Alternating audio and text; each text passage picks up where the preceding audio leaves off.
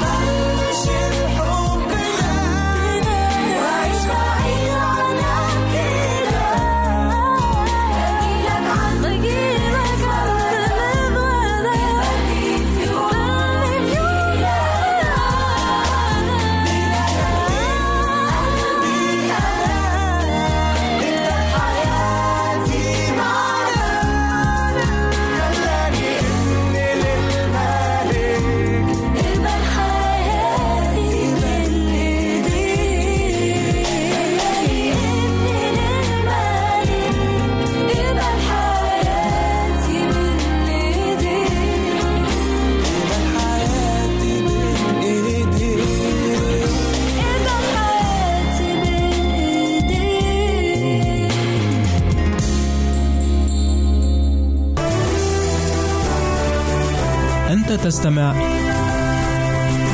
إلى إذاعة صوت الوعد.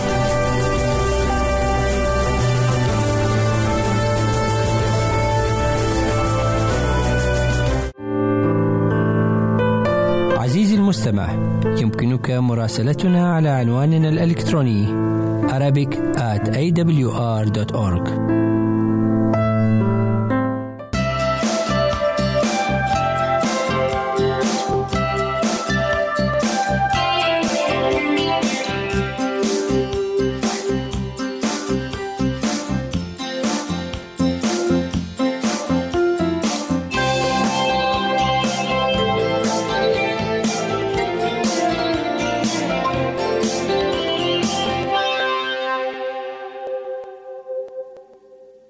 أصدقائي المستمعين، يسعدني أن ألتقي بكم مرة أخرى في برنامجكم المحبب أضواء على الصحة، لنتابع معا سلسلة حلقات كيفية التعامل مع بعض حالات الطوارئ.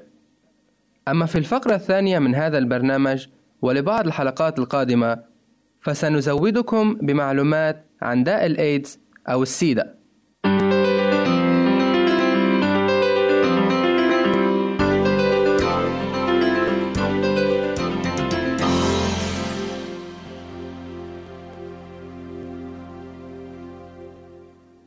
التعامل مع الصدمة الكهربائية. قد يحدث تلف خطر عندما تضرب الصاعقة شخصا ما أو عندما يمس الشخص معدات كهربائية فيها خلل أو أسلاك كهربائية مكشوفة. ويعتبر التيار العادي في المنزل خطر جدا خصوصا إذا تلقى المصاب الصدمة وهو متصل اتصالا وثيقا بالأرض. كأن يكون في مغطس الحمام أو ملامسا أنابيب المياه. ويظهر مفعول الصدمة على شكل شعور بوخز غير مريح وشلل في التنفس وتوقف القلب. الوقاية منها اعمل توصيلة سلكية مع الأرض لكل الآلات الكهربائية التي تستعمل فيها المياه وتؤمن التمديدات الكهربائية في المنازل الحديثة هذا الأمر بواسطة استعمال القابس المثلث للتوصيل. أبقي جميع المعدات الكهربائية في حالة جيدة فإذا أحسست بصدمة عند ملامسة إحداها أصلحها قبل استعمالها من جديد. تجنب وضع خطوط التمديد على الأرض حيث إن السير عليها قد يحطم المادة العازلة. لا تلمس البتة معدات كهربائية وأنت تستحم أو على اتصال بتمديدات المياه. تجنب استعمال المعدات الكهربائية مثل آلات الحدائق الكهربائية أو معدات المحلات الكهربائية أو غيرها وأنت تقف على سطح رطب أو على أرض ندية إلا إذا كنت تنتعل حذاء مطاطيا وترتدي قفازا جافا. لا تلمس شريطا كهربائيا معلقا ولا تحاول التقاط شريط كهربائي من على الأرض فقد يكون متصلا بخط التوتر العالي. ما يجب عمله؟ إذا كان المصاب لا يزال ملامسا مصدر الكهرباء أبعده عنه. والأفضل أن تقطع التيار إذا أمكن. أما إذا كان ممسكا بسلك مكهرب فإن تقلصات العضلات تجعل من المستحيل أن يفلت قبضته. انتبه. كل محاولة لتحرير المصاب من الاتصال بالتيار الكهربائي تنطوي على خطر عظيم لأنها قد تعرض القائم بعملية الإنقاذ لاتصال مماثل فيغدو ضحية ثانية. فإذا أمكن اقطع التيار الكهربائي. وإلا فاعزل نفسك تماما بأن تقف على لوح خشبي جاف أو كل مادة أخرى عازلة جافة. ثم اعزل يديك جيدا بجريدة جافة أو عدة طبقات من القماش الصوفي الناشف أو قطعة مطاط. واصحب المصاب بعيدا عن الكهرباء. أرسل من يستدعي الطبيب أو سيارة إسعاف. ابدأ التنفس الاصطناعي حالا وواصله ما دام المصاب لا يتنفس تلقائيا حتى وإن كان في طريقه إلى المستشفى أو حتى يعلن الطبيب وفاته. إذا لم يكن قلب المصاب ينبض استعمل طريقة التدليك الخارجي للقلب. بعد أن يستعيد المصاب تنفسه أبقه هادئا دافئا ومستلقيا طوال ساعة على الأقل أو إلى أن يأمر الطبيب بعكس ذلك والأمر الغريب هنا هو أن بعض الأشخاص يحتاجون بعد استعادة وعيهم من الصدمة الكهربائية ويسببون لأنفسهم تلفا دائما أو مميتا بمحاولتهم السير والتحرك. الصدمة نتيجة توقف جريان الدم. في حالة الصدمة العادية يصير جلد المصاب باردا نديا ونبض قلبه سريعا وضعيفا وتنفسه بطيئا كما يبدو المصدوم شاحبا ضعيفا وقلقا ومرتبكا عقليا أو فاقد الوعي. وإذا لم تعالج الصدمة تصير حالته أكثر خطورة إلى أن يتعرض للموت في النهاية. والسبب الحقيقي لهذا النوع من الصدمة هو جريان الدم بشكل غير كافي. وهاك بعض الحالات الشائعة التي قد تتولد فيها الصدمة من جراء توقف جريان الدم. أولا الصدمة المرتبطة بالحروق. ترتبط الحروق الكبيرة عادة بحالة من الصدمة لأن حجم الدم يتناقص نتيجة خسارته للبلازما الموجودة في المساحات المحروقة. وكذلك يتمثل رد فعل الجسم حيال التلف الذي يصيب الأنسجة المحروقة بخفض ضغط الدم مما يجعل المصاب معرضا للصدمة. ثانيا الصدمة المرتبطة بتوقف القلب. عندما لا يعود في وسع القلب لسبب ما ضخ كمية الدم التي يحتاج إليها الجسم تنشأ حالة من الصدمة. وتنجم مثل هذه الصدمة عن نوبة قلبية ناتجة من مرض يصيب الشريان التاجي أو وهن وظائفي في القلب نفسه أو انسداد مثل انسداد الوعاء الدموي الرئوي في أحد الأوعية الدموية الكبيرة. ثالثا الصدمة المرتبطة بالنزف في العديد من حالات الإصابة بردود يخسر الجسم كمية كبيرة جدا من الدم نتيجة النزف بحيث أن آلية التعويض داخل الجسم لا تعود تستطيع المحافظة على ضغط الدم الطبيعي. وهكذا فإن انخفاض كمية الدم يجعل خلايا الجسم تعاني من نقص الأكسجين ويعرض المصاب للصدمة. ويحدث ذلك حتى في حالة النزف الداخلي إذ تظهر على المصاب أعراض الصدمة ذاتها كما لو أن النزف كان خارجيا. وهذه الأعراض يجب أن تلفت الانتباه إلى إمكانية حصول نزف داخلي ويتطلب هذا النوع من الصدمة معالجة فورية لأنه لا يتوقف من تلقاء نفسه. رابعًا: الصدمة المرتبطة بالتلوث بالجراثيم. في حالات التلوث الحاد بالجراثيم، تنشأ حالة من تسمم الدم، حيث يعمل السم التي تنتجه الجراثيم على عرقلة التحكم السليم في القطر الداخلي لأوعية الدم الصغيرة، الأمر الذي يسمح له بالاسترخاء. وهكذا يصير جريان الدم بطيئا ويهبط الضغط فيخف انسياب الدم إلى الأنسجة المختلفة فتحدث الصدمة.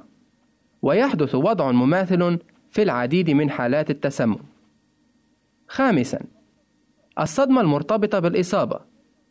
في حالات الإصابة الحادة مثل تلك التي تحصل في حوادث السيارات أو في المعارك تحدث غالبا حالة صدمة بسبب النزف الغزير وفي بعض هذه الحالات تبدو درجة الصدمة أعظم من تلك الناتجة من خسارة كميات قليلة نسبيا من الدم.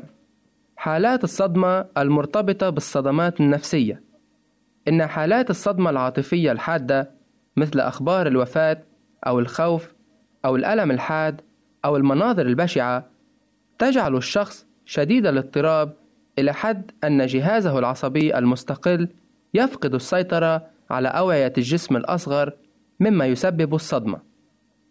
ما يجب عمله؟ المعالجة الفورية للصدمة نتيجة توقف جريان الدم تبقى هي ذاتها دائما بغض النظر عن الأسباب النوعية. ويفضل أن تتم معالجة المصاب في المستشفى على يد طبيب. ولكن القائم بالإسعافات الأولية يمكن أن يفعل الأمور الآتية إلى أن يتوفر العون من شخص مختص. أولا أبقي المصاب مستلقيا. وللمحافظة على قوته يجب أن تخفض سائر نشاطاته بما فيها عمل قلبه أيضا إلى الحد الأدنى. فوضع الاستلقاء على الظهر يخفف العبء عن القلب. ثانيا ارفع قدمي المصاب وساقيه فهذا يساعد على عودة الدم إلى القلب.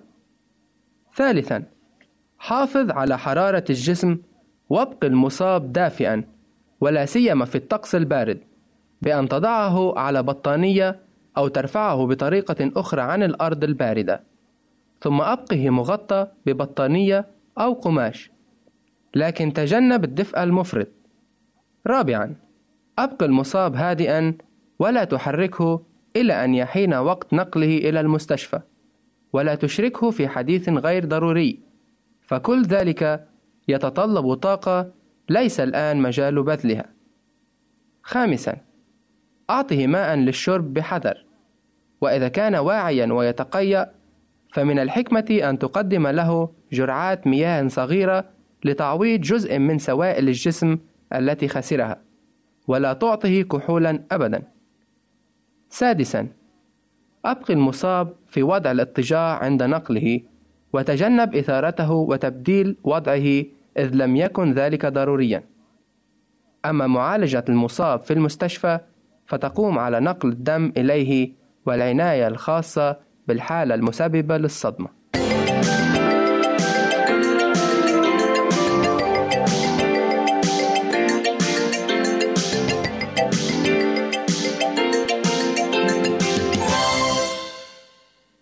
لقد سمعنا أصدقائي عن أنواع أمراض فتاكة كثيرة. من هذه الأمراض الحديثة الاكتشاف مرض السيدا أو الإيدز الذي سبق وسمعتم عنه بلا شك. سوف نحاول أن نشرح لكم عن أصل هذا المرض وأسبابه وبعض طرق الوقاية منه في حلقات عدة. فكونوا معنا دائما في مثل هذا الوقت. بدأ الحديث الجدي عن هذا المرض في الولايات المتحدة في عام 1979 عندما حلل فريق من الباحثين الطبيين 12 حالة من هذه الإصابات الانتهازية عند بعض اللوطيين. فقد لاحظوا أن الفيروسات والجراثيم والفطريات والبروتوزوا أو البرزويات التي ليس من عادتها أن تؤذي الإنسان قد أثارت بعض الالتهابات الخطرة في هذه الحالات مثل التهابات الرئة والسحايا والمعدة التي كانت مميتة. كما أنهم وجدوا نوع من السرطانات الجلدية المعروف بغرن كابوسي والذي هو مرض نادر في العالم الغربي. واعتبروا أن هذا الالتهاب وهذا السرطان هما بداية لعجز في جهاز المناعة. بمعنى آخر نقص في دفاعات الجسم. فأطلقوا على هذه الظاهرة متلازمة النقص المكتسب في المناعة بعد ذلك بثلاث سنوات أي عام 1982 ظهرت عوارض متشابهة في المدمنين الذين يحقنون أنفسهم بالمخدرات وفي الأشخاص ذوي النزعة الوراثية إلى النزف الدموي الذين كانوا يخضعون لعملية نقل الدم إلى أجسامهم. اكتشفت هذه الأمراض الموجودة في الشخص منذ الولادة حيث أن دفاعاته الجسدية ناقصة مثل حالة ما يسمى بأولاد الفقاقيع، حيث يضطر الأولاد أن يعيشوا داخل قبة بلاستيكية معقمة معزولين عن التهابات وتلوثات العالم الخارجي. لكن على عكس هؤلاء الأطفال فاللوطيين والمدمنين على المخدرات المصابين بالإيدز اكتسبوا هذا النقص في وقت لاحق من حياتهم. فمتى وكيف حصل هذا؟ في نهاية سنة 1983 اكتشف أن العامل الناقل لهذا المرض هو فيروس موجود عادة في دم الضحايا وفي ثمرة الرجل البذرية كيف استطاع فيروس الإيدز هذا أن يصيب مجتمع اللوطيين ومدمني المخدرات في العالم الغربي؟ لقد بدا من الواضح أن هذا الفيروس يصيب نوعا معينا من القردة التي تعيش في إفريقيا الوسطى وبخاصة في زائير. فإحدى هذه القرود لابد وإن عضت إنسانا أو أكثر من حيث بدأ انتشار هذا الفيروس حتى أن لدغات الذباب ورسم الوشمات على الجلد بإمكانها أن تنقل الإصابة بين الناس مما يفسر لنا سبب وجود 10% من شعب زائير الذين يحملون في أجسامهم خلايا مضادة للبكتيريا. لكن وعلى الرغم من كل هذا فإن القليل منهم يعانون من الإصابة بهذا المرض. يقول أحد الأطباء أنه بين عامي 1960 و 1970 حصل هجرة للشعب الهايتي إلى زئير وعندما عاد هؤلاء إلى بلدهم في الغالب عادوا حاملين هذا الفيروس إلى جزر الكاريبي. ومن الظاهر أن هذا الفيروس انتشر بين اللوطيين الذين كانوا يقصدون جزر هايتي في عطلتهم. هناك طبيب فرنسي لا يوافق على هذا السيناريو فيقول إن كوبا هي صلة الوصل بين أفريقيا والغرب وليست هايتي. لكن كيفما جاء الأمر فإن حدة هذا الفيروس تابعت في الازدياد في حين أن انتقل هذا الفيروس من مقره الأصلي في أفريقيا إلى أن وجد حقلا خصبا في مجتمعات اللوطيين في الغرب كي يتكاثر وينتشر فيها. سنترككم هنا أصدقائي لنعود ونتابع معكم المزيد من المعلومات عن الإيدز في الأسبوع القادم وفي مثل هذا الوقت. إلى ذلك الحين نتمنى لكم أحلى الأوقات. نحب أن نسمع منك. راسلنا على البريد الإلكتروني Arabic at awr.org نحن ننتظر رسائلكم واستفساراتكم أنت تستمع إلى إذاعة صوت الوعد.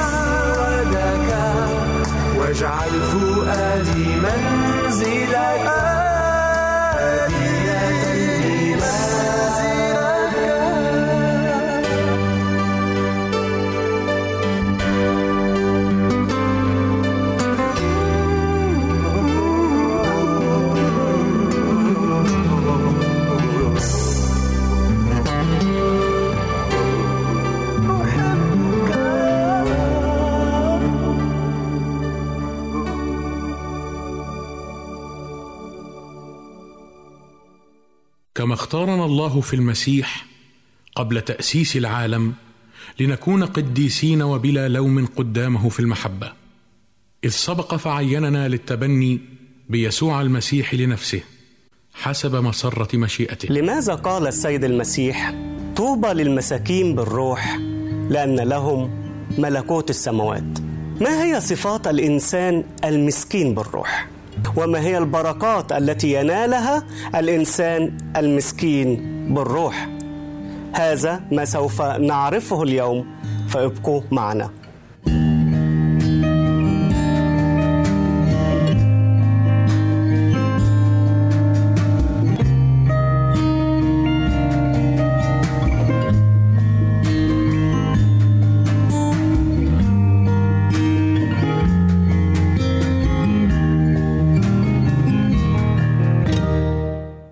مرة أخرى بنرحب بيكم أعزائي المستمعين.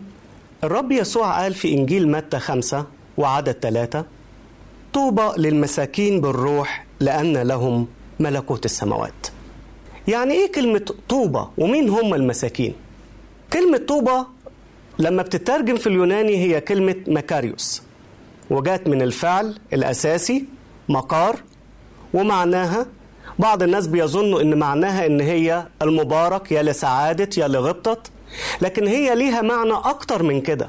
كلمة مكاريوس أو طوبة بتحمل المعنى البركة وتحمل معنى السعادة.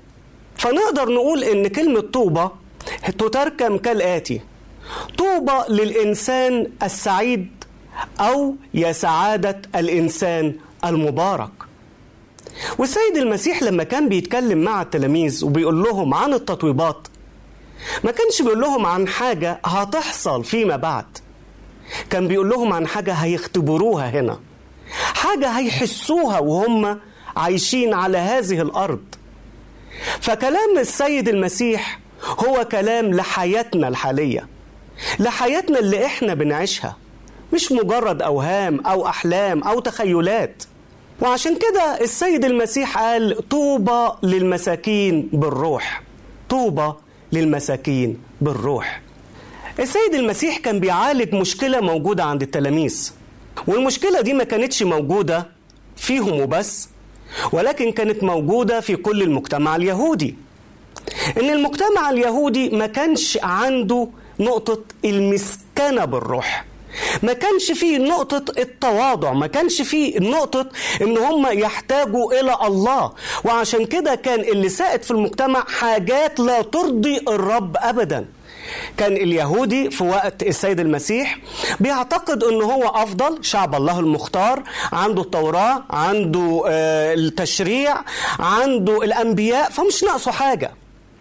والأخطر من كده إنه كانوا بيبصوا للأمم الأخرى غير اليهود أي جنس غير يهودي يبقى أممي كانوا بيقولوا عليهم كلاب. كلاب يعني نجسين. حاجة صعبة قوي لما يكون إنسان بيعتقد انه هو أفضل من كل الناس. السيد المسيح ابتدى يوضح للتلاميذ ولينا إن السعادة الحقيقية بتيجي اولا عندما يكون الإنسان مسكينا بالروح. يعني إيه كلمة مسكين؟ عرفنا كلمة طوبة. كلمة مسكين إيه هو أو مين هو المسكين؟ المسكين غير الفقير. أحيانا إحنا بنظن إن المسكين هو الفقير. لا الفقير حاجة والمسكين حاجة. فمثلا الفقر بيختلف من دولة لدولة. ففي الدول مثلا الفقيرة بيوصل الفقر إن الناس ما بتلاقيش تاكل. وأحيانا كتيرة جدا للأسف من الجوع بيدوروا في القمامة على الأكل عشان ياكلوه. بينما في الدول الغنية كلمة فقير عندهم هو الإنسان مثلا اللي ما بيجيبش سيارة أحدث موديل. يا حرام فقير. ليه فقير؟ ما جابش عربية جديدة السنة دي ها؟ فالفقر بيختلف. ممكن يكون واحد مثلا فقير.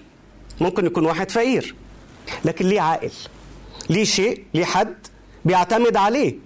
فممكن يكون الدخل بتاعه أقل من المصروفات فبيتقال عليه إنسان فقير بيتقال عليه إنسان فقير لكن المسكين يختلف.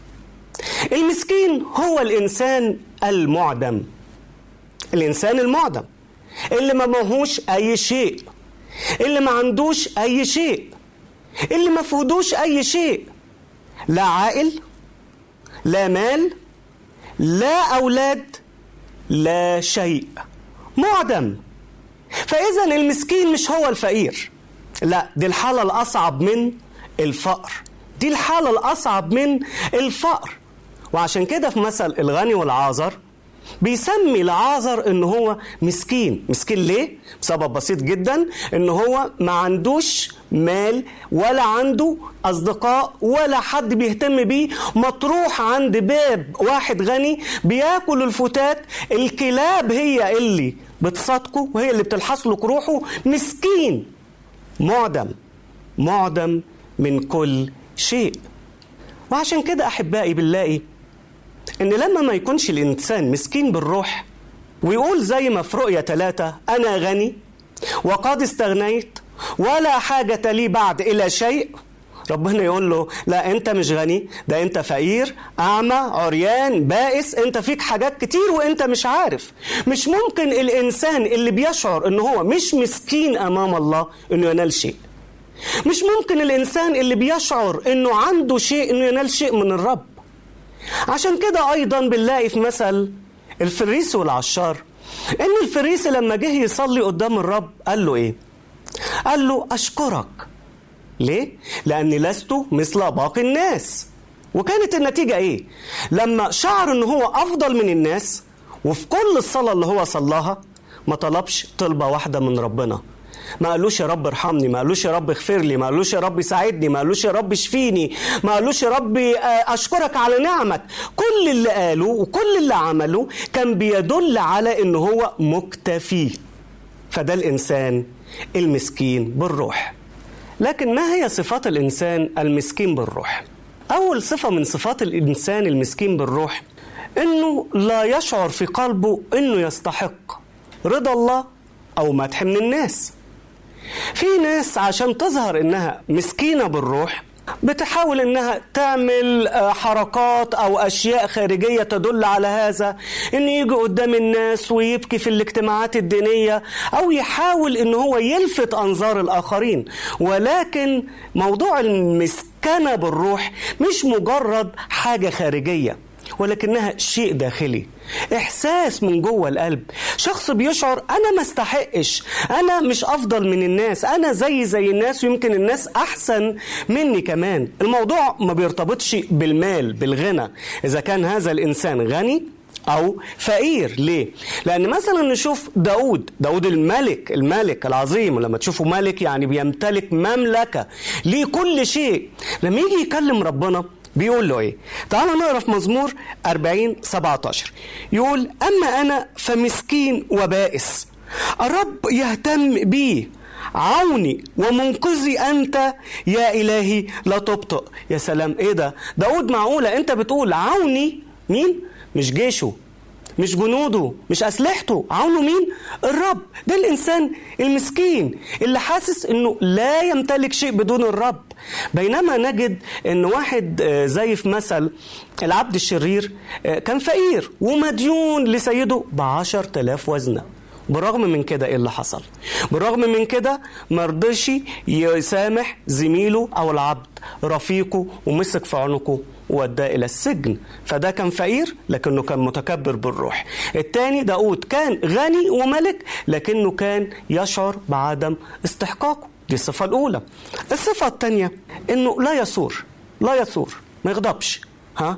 إذا واحد وجه له نقد ما يقولش مين ده اللي يوجه لي نقد؟ مين ده؟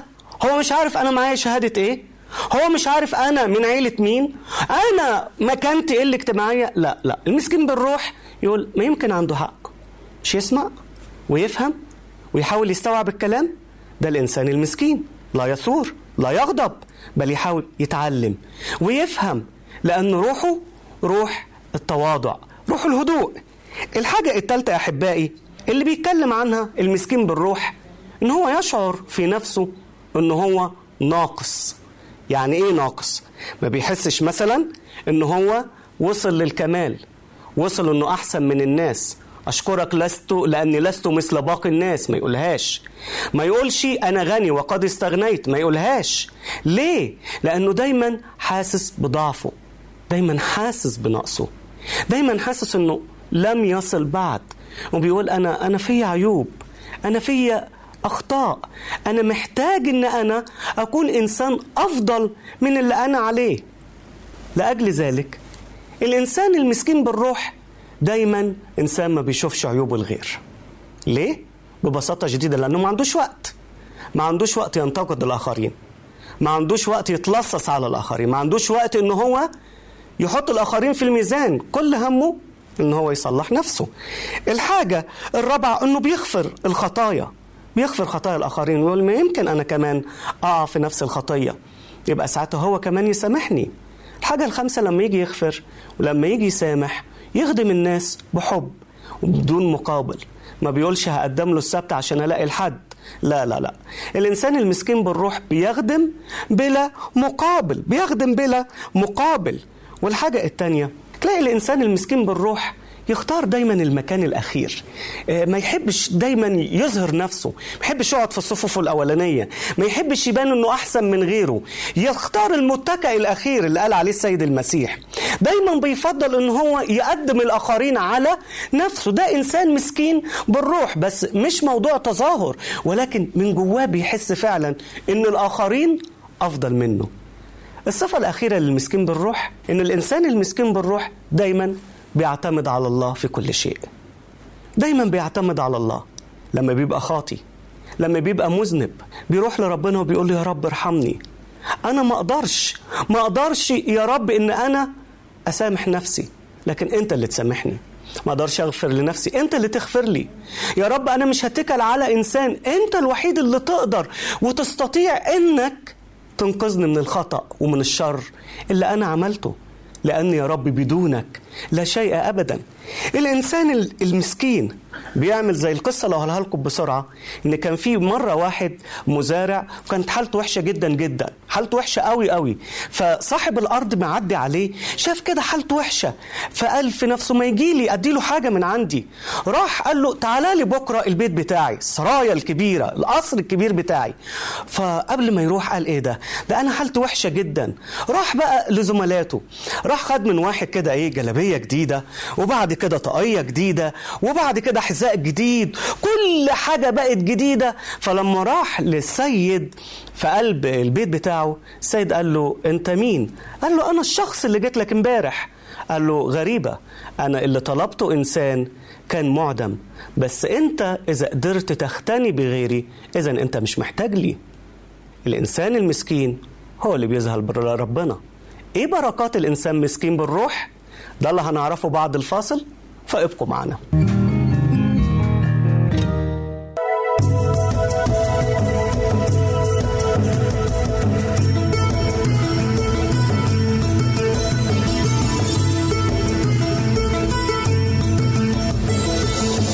هنا إذاعة صوت الوعد.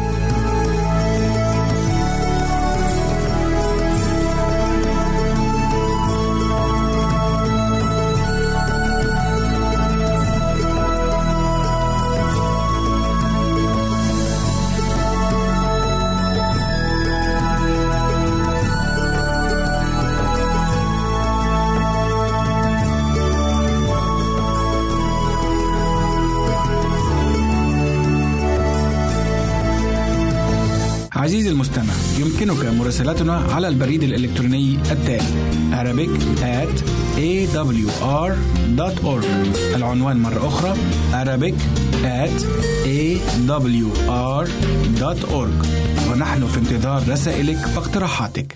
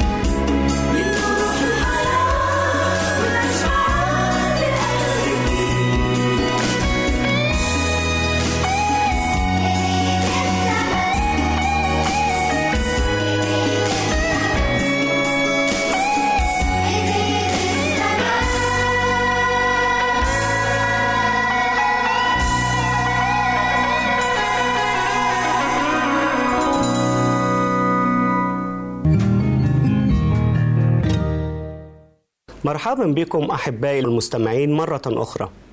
في الجزء الأول من الحلقة اتكلمنا عن مين هم المساكين بالروح. والآن هنتكلم عن بركات الإنسان المسكين بالروح. السيد المسيح له المجد قال طوبى للمساكين بالروح لأن لهم ملكوت السماوات. في فكر تلاميذ السيد المسيح ملكوت السماوات زيهم زي أي يهودي في وقتها كان عبارة عن الملكوت الأرضي. الملكوت اللي هيجي فيه المسيا المنتظر ويبقى قائد عظيم ويكون زي داود ويخضع كل الشعوب تحت إمارته وتسود الديانة اليهودية على كل العالم ويصبح الكل خاضع لهذا القائد. لكن السيد المسيح ابتدى يدي معنى أعمق من المعنى اللي كان اليهود فاهمينه. معنى مختلف تماما. إن الملكوت مش ملكوت أرضي مش عاصمة وجيش وإمبراطوريات وممالك ودول لا لا لا. في ملكوت تاني أهم من كل ده. الملكوت هو ملكوت السماء. وإن التحرير الحقيقي مش إن قائد يجي ويعمل حرب ويحرر ناس لا. التحرير الحقيقي إن الإنسان الخاطي بعد ما كان عبد للخطية يتحرر من هذه الخطية ويتنقل من سلطان الظلمة إلى سلطان النور. السيد المسيح كان بيقول لأن لهم ملكوت السماوات. وما كانش بيتكلم هنا السيد المسيح عن المجيء الثاني أو الملكوت الأبدي اللي هياخده المؤمنين لما هيجي على السحاب. ولكن كان بيتكلم عن ما يعرف باسم ملكوت النعمة. إيه هو ملكوت النعمة؟ ملكوت النعمة هو ملكوت الله في داخل الإنسان. قبل ما يكون الإنسان بيسلم حياته لربنا بيكون خاضع لمين؟ بيكون خاضع لإبليس للشيطان الرجيم بيكون خاضع بأعماله بكلامه بتصرفاته لإرادة هذا الشيطان الرجيم. ولكن عندما يقبل الإنسان السيد المسيح في قلبه بتتغير حياته. حياته بتختلف وبيصبح المالك الجديد ليه هو السيد المسيح وليس شخص آخر. وهنا تبتدي بقى أو يبتدي ملكوت النعمة. الملكوت اللي كله طهارة ونقاء اللي كله قداسة وحب. ينسى فيه البغضة ينسى فيه الكره ينسى فيه كل أعمال الظلمة ويبتدي يعيش كإنسان وكابن لله. هنا هنلاقي يا أحبائي إن ملكوت السماوات ابتدى مع ناس كتار جدا. اتكلمنا مثلا عن العشار اللي راح لربنا وقال لست مستحقا. قال اللهم ارحمني أنا الخاطي. أنا ما استحقش يا رب. أنا ما استحقش. ما استحقش إن أنا آجي أصلي ليك. ما استحقش إن أنت تغفر لي خطيتي. ما استحقش إن أنا حتى أرفع عيني إليك وأكلمك مين أنا. أنا لا شيء. الكتاب يقول عن مثل هذا الإنسان إيه اللي حصل له؟ يقول عليه إنه خرج مبررا. يعني خرج مبررا؟ كلمة مبررا معناها بريء.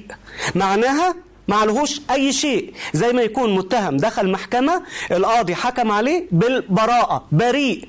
وهنا خرج مبررا ربنا قال له وأنا سامحتك بكل الديون اللي أنت عملتها. يا سلام! قد كده الإنسان المسكين بالروح بيجد هذه البركة؟ بالفعل يا أحبائي بيجد هذه البركة. هي إنه بياخد الغفران.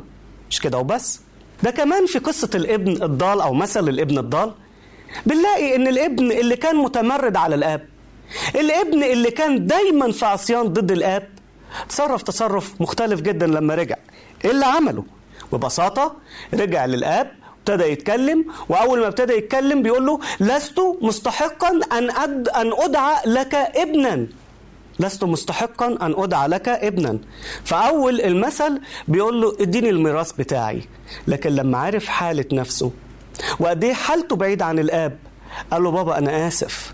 أنا ما استحقش مش إن أنا أكون ابنك أنا حق ما استحقش أكون خدام عندك. اجعلني كأحد اجرائك اجرائك يعني إيه؟ يعني الناس اللي بيشتغلوا باليومية. مش عبد في البيت قاعد مثلا على طول لأ. الأجير هو اللي صاحب العمل بيأجره يوم بيوم مش في البيت. ما بيقعدش في البيت. فراح لأبوه وقال له يا بابا أنا لست مستحقا. يا لما الإنسان يشعر إنه لست مستحقا لما الإنسان يشعر إن هو ما عندوش شيء لما الإنسان يشعر بالمسكنة في حياته هكون النتيجة إيه؟ هيعمل زي ما الأب ده عمل هيقول له لا يا ابني هاتوله الخاتم خلوه يبقى ملك مرة تاني ملك للأشياء اللي عندي وكلمة الخاتم معناها إن هو أصبح صاحب أملاك خلوه حطوا له الحذاء في رجله لأن العبيد ما بيلبسوش أحذية حطوا له الحلة خليه يرجع لمكانته الأولانية. فوق كل ده اذبحوا له العجل المسمن لأن أنا فرحان عايز أفرح بيه. لكن لو الابن ده رجع وقال لأبوه أنا ما عملتش حاجة. أنت اللي جبرتني على كده. أنت اللي دفعتني لهذا الطريق. تفتكروا كان هياخد كل البركات دي؟ تأكيد لا. ما خدش البركات إلا لما عرف حالته. وقال له لست مستحقا لست مستحقا. مثال آخر. بطرس أحد تلاميذ السيد المسيح. دخل السيد المسيح مرة بيبص ليه لقهم تعبوا طول الليل ما فيش ست سمك. بيقول لهم ما اصطادتوش سمك؟ قال له تعبنا الليل كله ولم نصطاد شيئا. دخل السيد المسيح معهم في أعماق البحر. وبعد كده قال لهم طيب آه ارموا ارموا الشبكة على الجانب الأيمن من السفينة رموا. الحاجة الغريبة إنه أو المعجزة العجيبة إن السمك طلع كتير كتير كتير لدرجة إن السفينة أو المركب اللي كانوا راكبينها أو القارب كانت هتغرق من كتر حمل السمك. لما بطرس شاف كده راح قال للسيد المسيح إيه؟ قال له يا سيد أخرج من سفينتي لأني إنسان خاطي أخرج من سفينتي. مش هنا بيطرده ولكن هنا بيقول له أنا ما استحقش وجودك معايا في سفينتي. لأن أنا إنسان وحش وأنت إنسان كامل طاهر نقي. أنا لا أستحق وجودك.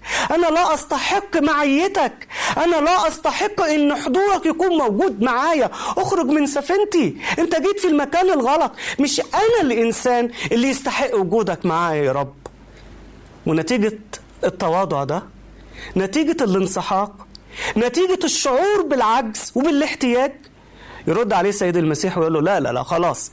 أنا هرفدك من شغل صيد السمك. إزاي؟ أنت ما بقتش صياد سمك تاني خلاص. ها؟ أمال إيه؟ أنت هتبقى صياد حاجة تاني أرقى وأحسن. إيه؟ صياد للناس. صياد للناس. يعني خلاص دلوقتي المهنة اللي انت بتشتغل فيها دي اركنها. خلاص لا قيمة لها. في عمل أهم من كده إنك هتصطاد الناس من بحر الخطية والشر والظلمة إلى ملكوت النعمة. وملكوت الله حيث النور والطهارة والقداسة. لو كان بطرس لم يشعر باحتياجه لما نال هذه البركة إن هو يكون صياد للناس. فعلا أدي ملكوت السماوات. ادي ملكوت السماوات. وعشان كده السيد المسيح لما مدح ما مدحش الناس الأقوياء. مدح مين؟ الأطفال. تعالوا نقرأ أحبائي في متى 11 25 السيد المسيح بيقول في ذلك الوقت قال يسوع أحمدك أيها الآب رب السماء والأرض لأنك أخفيت هذه عن الحكماء والفهماء وأعلنتها للأطفال.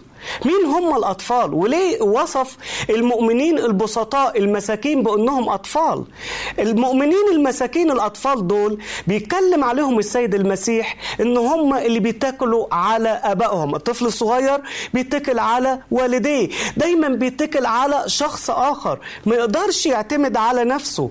وعشان كده اللي بيتكل على ربنا اللي بيتكل على الرب ورحمته هو ده الإنسان اللي بياخد بركات السماء هو ده الإنسان اللي بيتفتح له باب السماء هو ده الإنسان اللي بياخد غنى السماء العظيم لو كان مثل الأطفال في الإيمان. الطفل ما بيقدرش يتكل على نفسه دايما محتاج حد. وبيجي هنا أحبائي السؤال هل إحنا فعلا أطفال في الإيمان؟ هل بنقول له يا رب إحنا محتاجين نتعلم منك دايما؟ هل بنتكل على الله في كل حين وفي كل وقت؟ أحمدك أيها الآب لأنك أخفتها عن الحكماء والفهماء. اللي بيظن إن هو حكيم اللي بيظن إن هو فاهم اللي بيظن إن هو يعلم كل شيء هو يجهل كل شيء. وربنا بيسيبه في جهله وربنا بيسيبه في عدم معرفته. ولكن الإنسان اللي بيجي خاضع لربنا الإنسان المنسحق قدام ربنا. الإنسان اللي بيجي للرب بيقول له يا رب أنا لا أمتلك شيء من فضلك ساعدني. هو ده الإنسان اللي فعلا بينال المجد وينال الكرامة وينال الغنى من عند الرب. أحبائي العالم ليه مقاييس تختلف عن المقاييس الإلهية؟ العالم بينظر للإنسان ويطوب الإنسان الغني. الإنسان اللي عنده مكانة أو الإنسان الذي وصل إلى مرتبة رفيعة. ولكن ملكوت السيد المسيح عجز ذلك.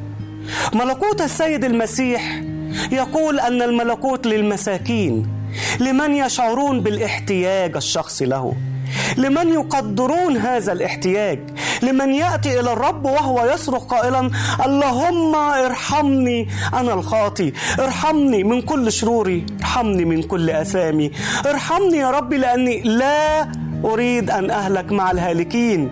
هو ده الإنسان المسكين بالروح. ويأتي السؤال أحبائي هل أنت أخي الحبيب وأنت أختي الحبيبة من المساكين بالروح أم لا؟ ليتنا نكون من المساكين بالروح. ليتنا نكون متواضعين أمام الرب. ليتنا نشعر بعجزنا وضعفنا. ليتنا نشعر أننا بدونه لا نستطيع أن نفعل شيئا. إن كانت هذه هي طلبتك. أن تضع نفسك أمام الله. فصل معي هذه الصلاة. إلهنا الحبيب أنا بشكرك. بشكرك لأنك ترفع المتضعين. أشكرك يا رب لأنك تعطي الملكوت لمن يسأل. أشكرك لأنك لا تعاملنا حسب خطايانا وكثرة أثامنا ولكن بحسب مراحمك الكثيرة تعاملنا كأب يتراءف على بنيه. فأرجوك يا رب ساعدنا دائما إننا نكون مساكين بالروح. أعنا إلهنا لكي لا نتكبر أو نتفاخر. فليس لدينا شيء نتكبر لأجله أو نتفاخر به. فأعنا يا رب لكي نعرف أننا نحتاج إليك دائما. أصلي لأجل كل من سمع الكلمة. أن تعطي نعمه وبركة. أسأل كل هذا في اسم سيدنا ومخلصنا يسوع المسيح. ولك منا كل الإكرام والمجد. آمين. أحبائي سعدت بلقائي معكم. على أمل اللقاء مرة أخرى. فإلى اللقاء.